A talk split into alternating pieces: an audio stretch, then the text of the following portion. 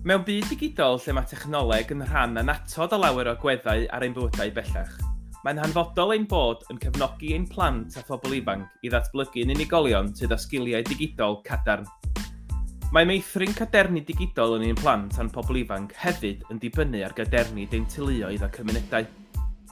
Felly mae'r podlediad yma yn anelu at darparu adnoddau, y wybodaeth a'r canllawiau diweddaraf i ddysgwyr, teuluoedd, ymarferwyr addysg gweithwyr proffesiynol a llywodraethwyr er mwyn meithrin a gwellau cadernu digidol. Penod 3. Chwarae gemau cyfrifiadurol ar-lein.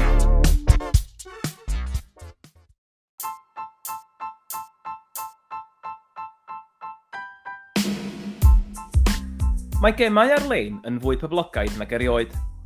Yn ôl Ofcom, roedd tua 7 o bob 10 o blant rhwng 5 a 15 oed yn chwarae gemau ar-lein yn 2020. Mae llawer o arbenigwyr yn cytuno gall chwarae gemau ar-lein gynnig manteision corfforol a chymdeithasol i blant a phobl ifanc. Mae rhain yn cynnwys gilau meddwl yn strategol, creadigrwydd a sgiliau datrys problemau. Ond fel gyda sawl agwedd ar ein bywydau digidol, fe all fod yna anmanteision hefyd. Heddiw, fel yr arfer, mae Gwion efo fi. Helo Gwion, ti'n iawn? Iawn, diolch yn fawr, sydd ti? Do, dal i fi, diolch. Da iawn, so dydodd fi hwyl, ti rioed wedi bod yn ddipyn o gamer neu be? Na, i mi ddweud gwir, de. Um, so ni'n dweud bod fi wedi bod chwarae lot arno fo, ond ia, fi wedi bod. Be amdano ti? Wel, do, do, do a na ddo mewn ffordd. Dwi'n mynd, um, dwi'n ystyried yn un rioed i bod yn gamer, ond nath o gychwyn i fi efo'r um, efo Game Boy, dwi'n gwybod sy'n cofio hwnna. Um, di, dim y Game Boy Color oedd y Game Boy Du a Gwyn, a dwi'n cofio ni gyrru yn rhieni'n absolutely bonkers ar oedden ni'n dwy'n y batteries ar ôl y tŷ o'r remote controls ac yn y blaen. Um, Chos ti'n cofio, oedd eisiau pedwar AA battery yn y Game Boy. Um, a wedyn wrth y modd chwarae hwnna um, Super Mario, Tetris, math yna'r gema. Wedyn amball i consol ymag gacw wedyn. Chwarae lot yn ystod y dyddiau'n brifysgol drio di styried yn un fel, fel gamer fel tai. Be byddwn chdi? Ie, yeah, o'n i'n mynd fwy Nintendo, um, o'n i'n fwy o fwy Sega, cofio'r Master System dod allan gysi wneud gan Sean Corn, ac oedd y gemau, ti'n cael o'r cartridges. Ond o'n y game yn built-in hefyd, eh, so gen ti Alex the Kid, um, mae pethau di symud ymlaen lot ers hynny. Do, ers hynny, dyn ni cael be? PlayStation 1, 2, 3, 4, 5, uh, a dyw o wr faint i ddod eto, da. Ie, yeah, allal. Um, so dwi am gychwyn, da, wel, i, nes o'ch di ar flyn y draed heddiw, da. Dwi am gychwyn efo quiz um, i helpu ni a'r grandawyr i ddysgu mwy am, am er, syniad mae chwarae gema fideo. Cwestiwn rhif un, be sa'ch di'n dweud ydy oedran pobl sy'n chwarae gema um, ar gyfer taledd?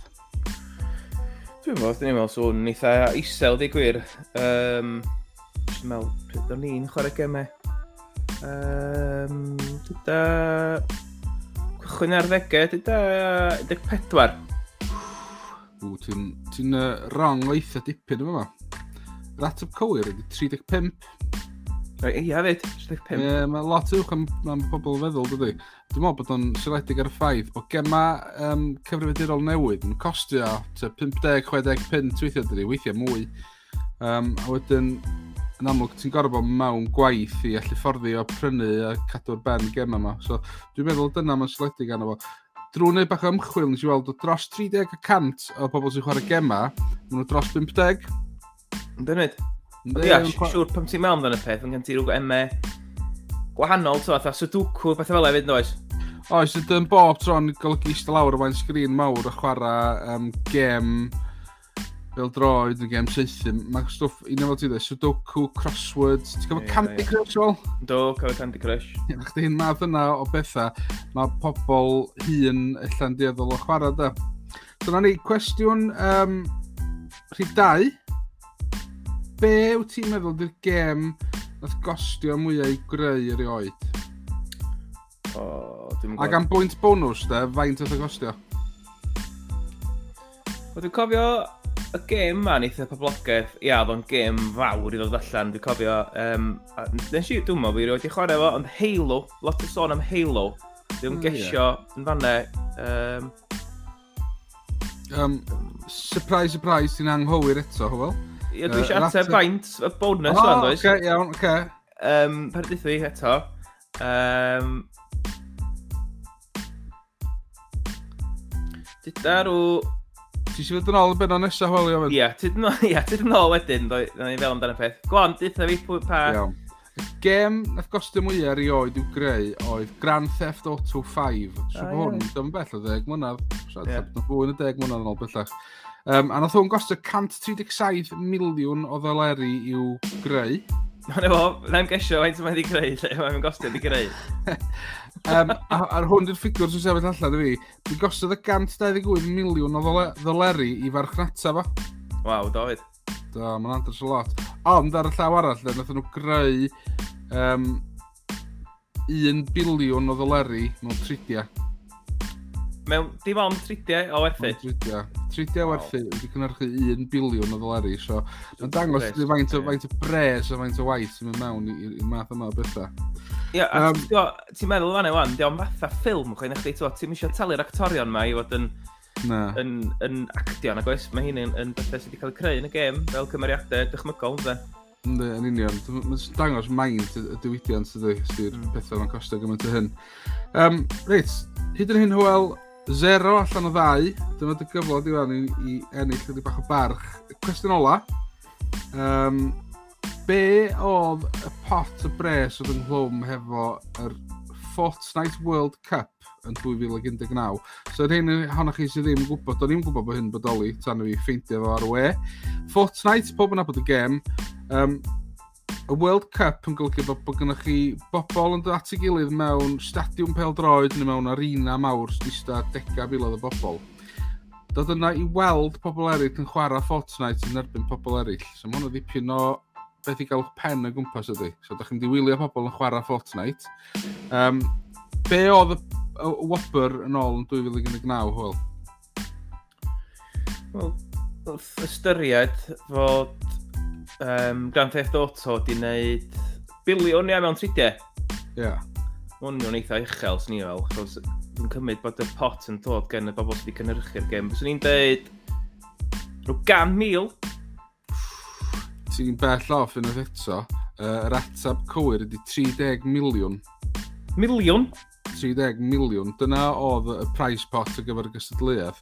Doedd yr enillu ddim yn cael 30 miliwn, ond os oeddech chi'n cyrraedd rhywbeth fel yr, yr chwarteri, a chdi wedyn yn derbyn hyn a hyn o ddega, os nad canodd o, o filodd. So, andros o lot o bres uh, uh, yn rhan o hyn.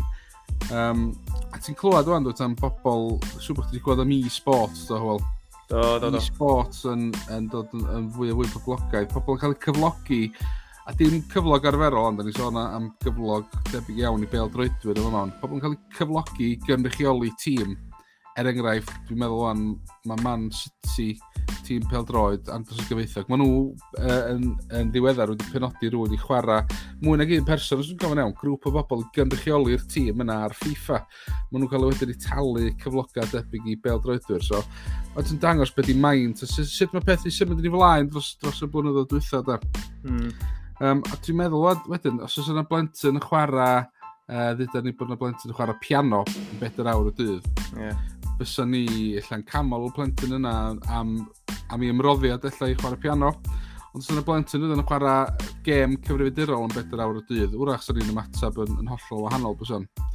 Ond o bosib, sa hwnna yn ffordd i'r plentyn yna gael um, gafel o'r ffortiwn, bysa, sy'n nhw'n gallu bod yn broffesiynol, sy'n nhw'n gallu ennill yr Fortnite World Cup, ennill yr FIFA World Cup, rhywbeth bynnag, bysa.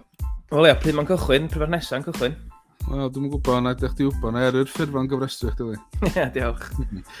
um, ie, so drwy'n neud bach o ymchwil a darllen chydig o, o gylch gronag yn y blaen, be dwi wedi sylwi efo'r busnes uh, chwarae gema fideo yma ydy, maen nhw'n deitha ni bod y dyfodol wan yn symud drosodd i'r VR, i'r virtual reality. Yeah, yeah.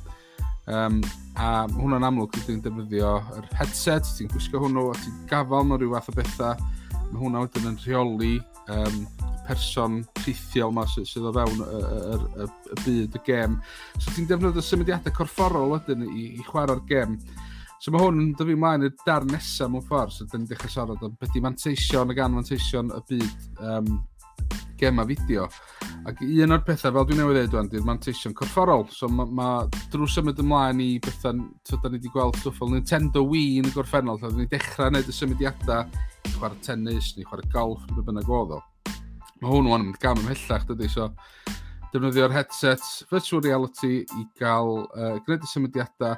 Ond mae yna lot fwy fanteisio na hynny hefyd, does? Dwi'n meddwl yn syth bin am um, sgiliau datus problem mewn lot o gema, mae yna broblemau angen i datrys. So, os dwi angen, dwi angen deall sut mae dringo mewn i'r graig, neu dwi angen deall sut mae llecher bel i mewn i'r rhwyd, dwi angen deall sut mae um, curo'r gelyn yn y gem yna. So, mae yna lot o sgiliau datrys problem. Gyda mwyn gallu datrys problem, na mwyn sgiliau yma o, o feddwl yn strategol.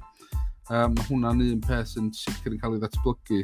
Be arall yna dwi? Fath o manteision? Ia, o'n i'n meddwl sydyn o'n. Um, Dwi'n siŵr so, bod gen ti gyfle i ddatblygu sgiliau gweithio mewn tîm wrth chwarae gemau.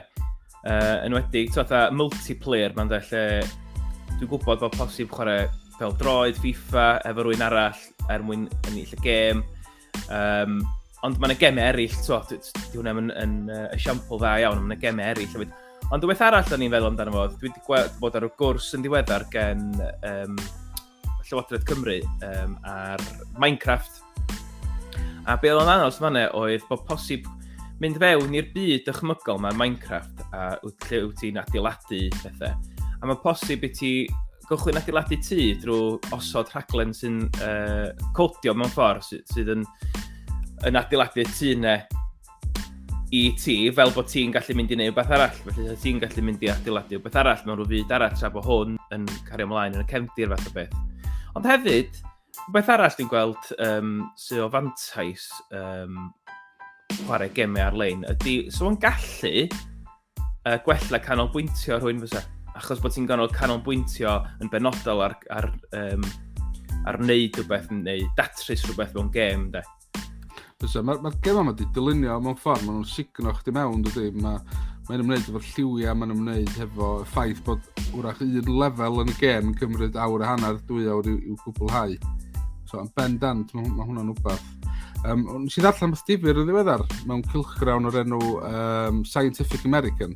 Na, ia. A ti'n cofio'r gem Tetris ys ôl? Do, cofio Tetris. Uh, Tetris, rhain o'ch chi sy'n allan cofio Tetris, oedd gynnwch chi um, siapia yn disgyn o dop y sgrin ac oeddech chi'n gorau troi nhw a gosod nhw'n drefnus um, ac yn daclus ar wylod y sgrin ac yn sicrhau bod chi'n gwneud y defnydd gorau o le, so oedd yn gêm hollol hollol weledol. O be maen nhw'n dweud ydy bod y gêm Tetris yn gallu cael ei ddefnyddio wan i helpu'r cyflwr uh, post-traumatic stress disorder, neu PTSD. Wow Ie, yeah, a beth nhw'n dweud, oedd y gwyddoniaeth tu ôl o'n sôn am y gofynion gweledol a'r gofodol wrth i fi symud y siapio yma, gosod nhw'n llefydd cywir, bod yn helpu i bobl yn dioddef o'r cyflwr i, i ddelio hefo'r um, effeithiau meddyliol yn gysylltiedig o flashbacks. Dwi'n meddwl bod hwnna'n dros o hmm. ddefnyddiol. Mm. Eto, twa, mantais, mae ma fantais yeah, yeah. gwyddonol o fanna, meddygol tu ôl yr um, chwarae'r gem Tetris. Um, Beth arall nes i weld oedd erthigol sôn am sut mae chwarae chwaraegema'n gallu gwrthdroi driwiad meddyliol. So dwi'n meddwl ar fel ti'n mynd yn hun, um, dy, dy feddwl dwi'n cweith mor siarp ag oedd yn gorffennol allan. Ond bo chwarae chwaraegema, er enghraifft, sudoku, um, crosswords, y math o bethau sydd yn yn treinio dy, fre, dy, dy menydd, dy, dy feddwl dim yn ffordd. Mm. Um, mae heinny'n gallu gwrthdroi y driwiad ac yn atal y driwiad yn arag digwydd yn ddigyflym. Uh, Ie, yeah, so eitha dipyn o um, o fanteision i fanna. So, da ni'n meddwl o'n am um, nôl at y busnes o'r e-sports yma, so pam bod ni allan ffri o plant am chwarae gema mormod amser lle sy'n gallu gwneud y ffortiwn. Mae yna wasod ochr arall i'r geiniog, does? So, da ni wedi sôn am y manteision. Be mae'n mynd drosodd i edrych ar y ran manteision ta? Ddefnyddio'r un syniad, plentyn yn chwarae 4 awr ar Fortnite, hefo'r gobaith o ennill uh, cwpan y byd a, a dod uh, um, andros y gyfeithog. Mae gennym ni y WHO, y World Health Organisation, maen nhw wedi adnabod gaming disorder, maen nhw'n ei alw fo, sef y syniad yma fod yn gaeth i chwarae gema. Maen nhw wedi adnabod hwn fel, uh, fel cyflwr swyddogol Mm. Gynol yn 2018, maen nhw'n maen nhw'n awgrymu bod hwn yn cael ei ddefnyddio gen wasanaethau iechyd. Mae bosib yeah, cael yeah. twiniaeth ar yr NHS bellach am mm a am um, uh, syniad yma o, o gaming disorder and gaming addiction. So mae'n ma dangos bod o ddwy ochr i'r geiniog dydy. Um, a dyna sy'n bwysig ystyried wr wrth drafod unrhyw beth yn wneud efo diogelwch ar-lein da. Ie, yeah, anfantais arall, o'n i'n meddwl amdano fo. Dwi'n newid siarad amdano fo fel mantes um, ydy'r canolbwyntio, de. Felly, er bod wedi dweud oedd yn gallu gwella canolbwyntio, mae o hefyd yn gallu effeithio canolbwyntio mewn ffordd anfanteisiol dydy, twa. Achos no. mae'r gemau yma wedi cael i'w dylunio i ti fod yn, bod yna wbeth yn popio fyny rhywle, sy'n dal dy lygad di, ti'n cael rhyw sgôr neu rhyw bwynt arbennig am wneud rhywbeth.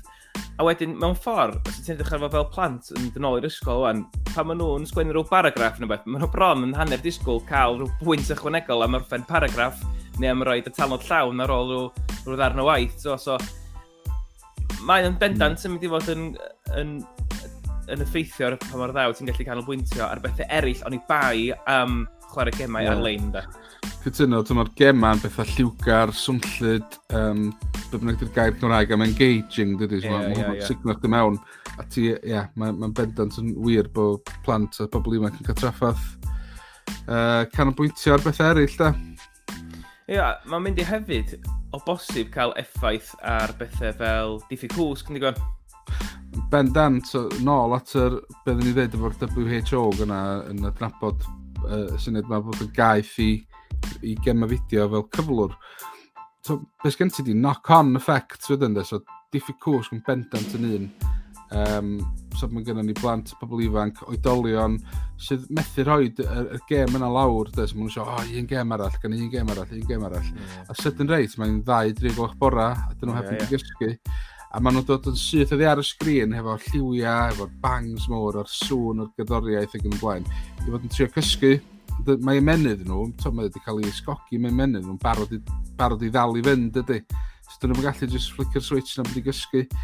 Um, a beth arall sy'n anfantes mawr ydy diffyg cydbwysedd, um, amser ar sgrin efo um, cydbwysau hynny efo bywyd go iawn. Um, sut mae pobl yn gallu bod yn ddisg, um, ddisgybledig mewn ffordd e, a alla gosod ffini amser, dwi'n modd yn chwarae gêm am 40 munud heddiw, dyna fo. Mm Mm. Um, a dwi wedyn wedi fod yn eista rown borig a swper fo'n heulu, neu am dro fo ffrind neu beth bynnag. Ond mae cael cydbwysedd yna yn dod yn heriol iawn i, i, rei, i rei pobl. A mae'n ma gallu cael effaith ar rwy'n dydy, ti'n fatha, dyd awan bod bo fi'n chwarae gêm, er enghraifft, football manager, hwnna dy'r un lle o'n i'n teimlo awrach bod gen i bach o broblem, o'n i'n deffro yn gynnar yn bore i chwarae fo felly. Hmm. Os dwi wedi gwneud yn sal yn y gêm yna, bod fi wedi colli ambell i gêm, Sa'n ymddygiad i wedyn o gwmpas y bwr bwyd er enghraifft yn gallu bod yn hollol wahanol os oes ni di ennill y gêm de. Mm. Um, so, mae'n bendant yn cael um, effaith ar dim yn unig yr foment o ti yno fo yn chwarae'r gêm, ond beth sy'n ddilyn wedyn de, ac ar bobl eraill hefyd. Cytuno. Um, so, mae pethau di newid lot de, o'r amser lle oedd dy fam a dy dad yn prynu'r er consol neu ti, er enghraifft uh, Master System, a wedyn oedd nhw wedi prynu y gêm Sonic, o'n nhw'n hapus be oedd yn digwydd yn y gêm yna, oedd rhyw lwynog bach yn hedeg gwmpas yn chwilio am rhyw rings yn y llall, um, ac yn cael pwyntiau, a dyna fo. Ond mae'r consoles mae wan ar-lein, dydyn. E? Felly be mae hyn yn neud ydy, to, mae, ma plant a bobl ifanc wan, um, mae gen nhw mynediad i unrhyw beth ar-lein, er enghraifft, fysa nhw'n gallu cael mynediad i'r chat, hyd yn oed ar gemau fel FIFA, gemau wyt ti'n meddwl sydd yn saff. A wedyn mae'n agor o fyny wedyn i bosib gael dy to, radicaleiddio neu bwlio ar-lein yn cael ei gallu cael ei um, yn digwydd mm. o fewn hyn hefyd ydy. Ynddo, gant y cant, a dwi'n dwi, dwi cofio pam mynd yn ôl i ddyddiau, yeah. prifysgol lle ni'n chwarae um, gemau fel FIFA, fel ffrindiau, Gwna'n golygu bod fi'n chwarae yn erbyn rhywun oedd yn eistedd yn yr un stafell o fi. Um, Mae di newid erbyn nhw'n dydy, so dwi'n gallu chwarae yn erbyn rhywun yn eistedd yn unrhyw le yn y byd, a yn aml iawn dwi'n gwybod pwy ydy'r person yna. A dweud o'n bod fi'n chwarae yn erbyn di, de, wel, bod fi'n digiro di fel fyswn ni. Um, wedyn, ti'n gyrru neges i fi wedyn, ti'n licio bod chdi wedi colli, so ti'n gyrru neges y cysineb wbeth eitha ffiaidd ato fi, drio cael rhyw fath o matab. Ond sa'ch ti'n chdi'n deud, deud, sa'ch ti'n chdi'n deud yr un fath wrtho fi os sa'ch ti'n chdi'n eista uh, wrth yn ochr. Na, ie, ie, ie. Pobl yn teimlo rhyddid mae fod yn ymddwyn mewn ffordd hollol, hollol wahanol pan maen nhw'n defnyddio'r byd ar-lein. Um, a beth sy'n ni wedyn, di'r pwysau cymdeithasol, so fel ddydys di, mae gen bobl mynediad i unrhyw gem, gallu lawrwythio nhw beth.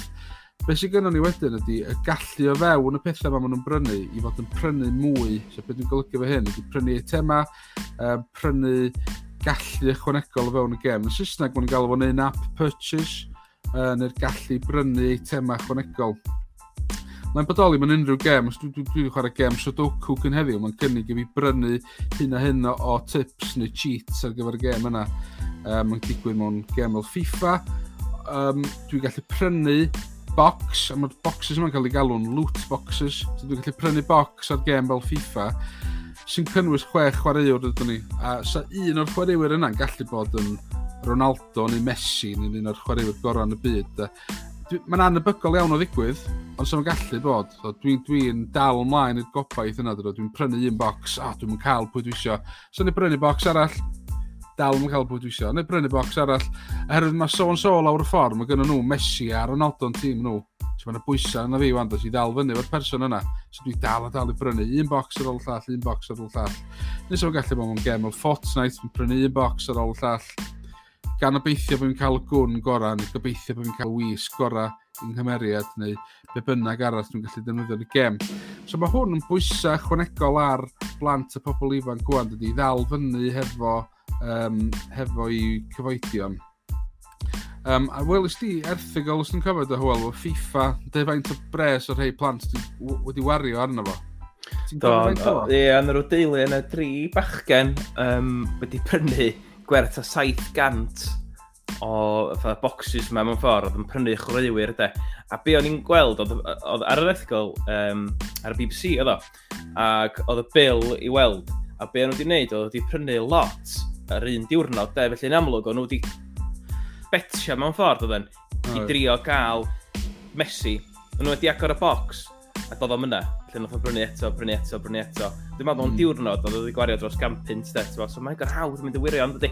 Ynddi, mae'r ma un egwyddor yn union a uh, fruit machine mewn, mewn tafar neu mewn pethina. Ti'n rhoi dy bint i mewn, ti'n tynnu'r tynnu lifer, a wedyn wrach bod ti'n mynd i ennill y ffortiwn, ti'n mwyn y thebyg ddim yn mynd i ennill, ydw, ond mae yna jans, mae yna wasad obaith bod ti'n mynd i ennill. Yr un egwyddor yn union, um, mae'r yr arbenigwyr a'r gwybodision, maen nhw gyd yn bryderus iawn bod hwn, to, da ni sôn, sôn am yma'n blant tair beder oed weithiau sy'n chwarae gema.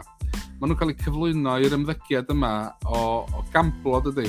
Dyna, yeah, dyna ydy, o'n ffordd, dwi'n gamblo drwy brynu box am 5 pint, dwi'n gamblo drwy brynu hwn am, am bint ac yn y blaen. So, mae hwnna'n un ffordd, uh, un beth sy'n sy pryderu lot o bobl um, uh, pan da ni sôn am bobl ifanc yn, yn dechrau gamblo siarad am brofiad personol eto, de, wel, dwi'n cofio pam o'n i'n mynd um, i... Dita bod fi'n dod y deintydd, neu bod fi'n... Dwi'n yn gwybod, sôn dwi'n traffic am awr yn bynnag, neu disgwyl tren. Dita bod fi'n eistedd gwmpas, so gen i gem ar y ffôn, a ni wastad troi ato fo. Gem pŵl. Uh, a gen i chwarae pŵl yn erbyn um, pobl do'n i'n gwybod pwy oedd nhw, do'n i'n siarad efo nhw, nes chwarae gêm ac yn cael pwyntiau am ennill y gêm. Sut yn neud, mae'r gêm ydych dechrau gofyn wrtho fi wan, so nes i prynu'r cyw dwi'n prynu'r cyw gwyrdd ydyn ni wan, mae hwnna'n mynd i helpu fi gael hyn a hyn yn fwy o bwer. Os dwi'n prynu'r het yma ar gyfer y chwaraewr, mae hwnna'n mynd i olygu dwi'n cael hyn a hyn yn fwy o spin ar y bel. Ac oedd yn cynnig i fi brynu'r pethau yma, er bod y gem am ddim, oedd yr syniad mae bod fi angen uwchraddio, y pwysau mae dod arna fi wan, i uwchraddio'r chwaraewr, oedd y cyw gwell iddo fo. Ac yn i'n meddwl, waw, dyma'r pwysau mae plant a pobl iwan yn ei wynebu, da. Yeah. Dychmyga o'n bod chdi riant bod y garden credits di wedi cael ei gysylltu mm, i'r yeah, yeah. ffôn yna, i'r iPad yna, i'r PlayStation, Xbox, fe bynnag ydi o. Um, Mae'n hawdd iawn i blentyn jyst clicio, ia, prynu, prynu, prynu, prynu. Yeah, Ti'n cael sefyllfa dwi'n fel o'ch ti'n dweud gyda'r plant na di gwario 700 pint fy diwrnod. Ti'n mm, mynd i gael sefyllfa fel la. So mae eisiau bod yn andros o wyli dwrus o sef y math yna beth. Ti atgoffa fi gynnu o, o gêm dwi'n chwarae ar hyn o bryd, um, sy'n mewn ffordd yn egluro ochr arall i'r geiniog o ran isio wbeth gwell er mwyn wneud y profiad yn well, neu wneud bod yna well siawns bod ti'n ennill, ti'n Dwi newydd brynu um, rhywbeth o'r enw Zwift, neu peiriant, dio, Turbo Trainer, Smart Turbo Trainer, er mwyn chwarae'r gêm Zwift. A be ydi o? Ydy, mae gen ti sgrin o dy flaen, sydd yn ymddangos um, efo trac uh, seiclo. A wedyn, be wyt ti'n gwneud wedyn? Wyt ti yn gosod y feic go iawn wan ar rhywbeth fatha, fatha rolling road um, ah, yeah, pobl yn mynd yeah. er mwyn wedi ceir nhw, er mwyn gweld pa mor sydyn ydy'r car. Ond mae posib gwneud hynny hefo'r beic. A wedyn wyt ti wedyn yn cystadlu yn erbyn bobl eraill efo'r un set-up fath o beth er mwyn gweld pwy sy'n gallu ennill y ras yna.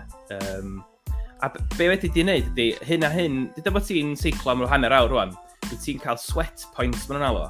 Lle, ar, os wyt ti wedi cael, dwi'n mwyn gwybod, 10,000 o sweat points, mae posib ti brynu beic arall uh, yn rhithiol, lle. A efo'r beic yna, ti'n mynd i fod yn gynt, de. Felly, oh, wow. ia, Mae'n ti Mane... ffordd o edrych arno mewn ffordd sydd yn mynd i fod o fantais o ran, to, um, ffitrwydd yn dydi mewn ffordd. Ne, So mae hwnna'n enghraifft o hwnna, o'r yr un egwyddor yn cael ei gymhwyso mewn ffordd fwy positif fyna, dys? No. Yeah, so et, eto, dyn ni pwysleisio pa mae'n bwysig ydy edrych ar dwy ochr y geiniau gwastad ydy. Hollol.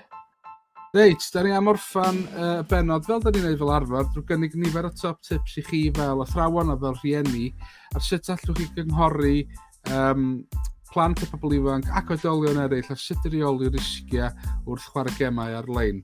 Um, felly drosodd atoch di Howel efo tip rhif 1.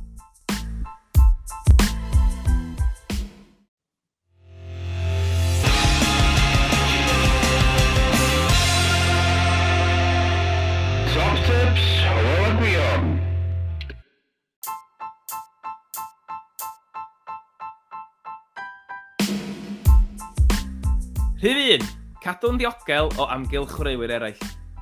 Mae chwarae gemau yn weithgarell lle gall plant a phobl ifanc ychwanegu chwaraewyr eraill at eu rhestr o gysylltiadau, neu ddod i gysylltiad a nifer fawr o ddieithrau drwy gemau ar-lein aml chwaraewyr enfawr fel Fortnite, Roblox neu Apex, Le Apex Legends.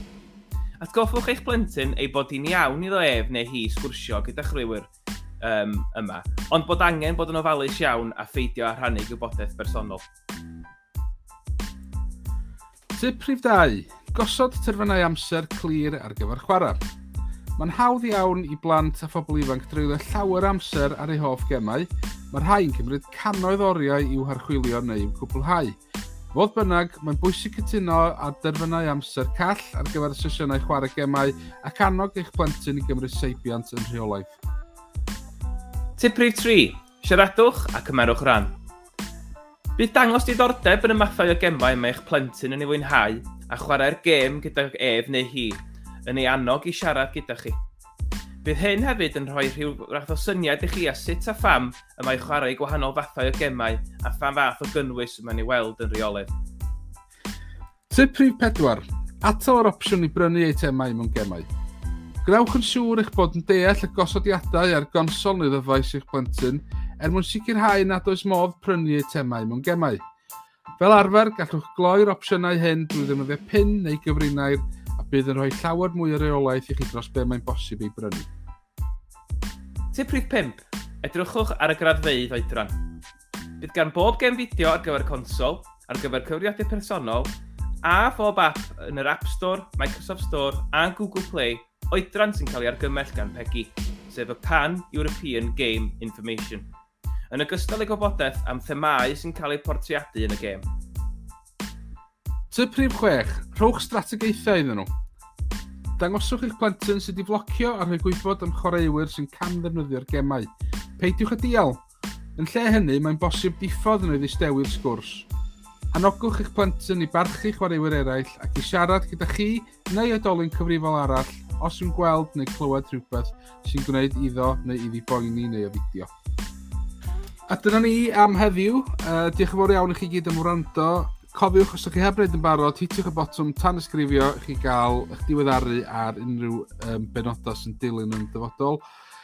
Cofiwch mynd ar yr adran, diogelwch ar-lein yr hwb, lle wnewch chi weld lot o adnoddau gefnogi bob dim da ni'n drafod yma hefo chi ar y podlediad. Hywel, mwyn ti un cyhoeddiad i wneud?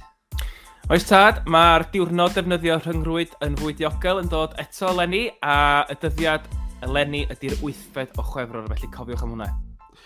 Diolch o wel, um, a diolch i chi gyd, a nawn ni weld chi gyd yn fuan, a cadwch yn saff. Ta-ra!